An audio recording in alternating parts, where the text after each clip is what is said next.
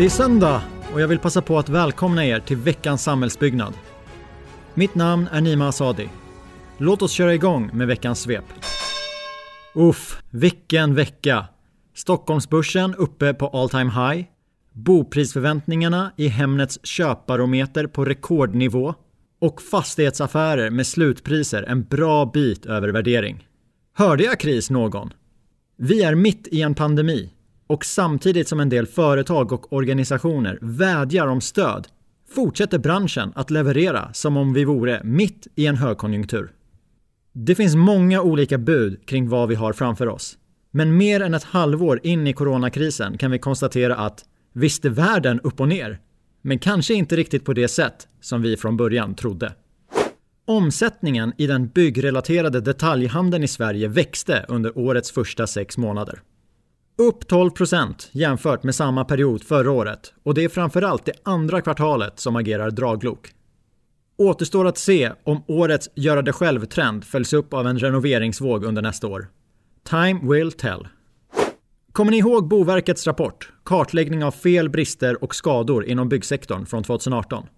Inte? Det var i alla fall i den rapporten som det konstaterades att fel, brister och skador i byggandet kostar samhället över 100 miljarder kronor varje år. Nu har det gjorts en uppföljning för att kartlägga varför det blir fel. Och det handlar inte om teknik, utan snarare om hur människor och grupper fungerar. Motivationen är en viktig fråga enligt Anders Självgren, generaldirektör på Boverket. Alltså, kom igen. Vi kastar bort var fjärde krona i våra projekt på grund av brist på motivation.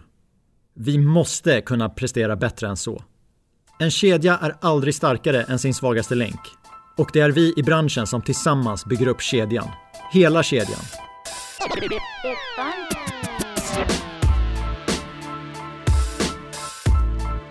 Sluta peka på andra och signa istället upp er på ett webbinarium som anordnas den 3 november på temat Så stoppar vi miljardförluster från byggskador och slöseri. Mer information på Boverkets hemsida.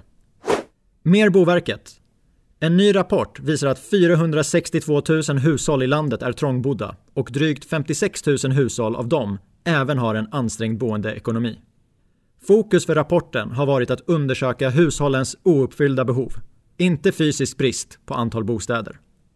I rapporten, som är resultatet av ett regeringsuppdrag, har Boverket tagit fram en beräkningsmodell där antalet hushåll som saknar en rimlig bostad beräknas på nationell, regional och lokal nivå.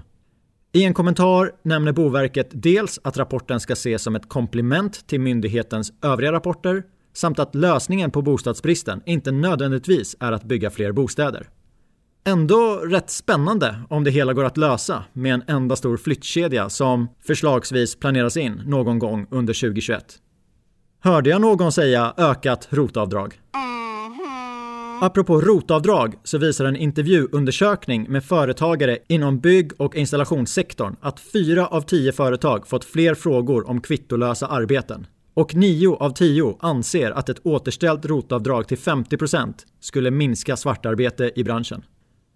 Det som försämrats är moralen hos konsumenter som när incitament som rotavdrag inte finns väljer att anlita oseriösa aktörer på marknaden för att utföra svartjobb med syfte att hålla nere hushållets kostnader, säger Ola Månsson, VD för installatörsföretagen.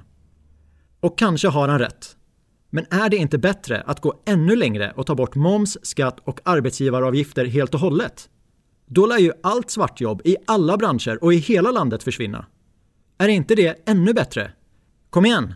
Låt oss tillsammans make Sweden great again. Bonava gick i veckan ut med att Joakim Hallengren får lämna posten som VD.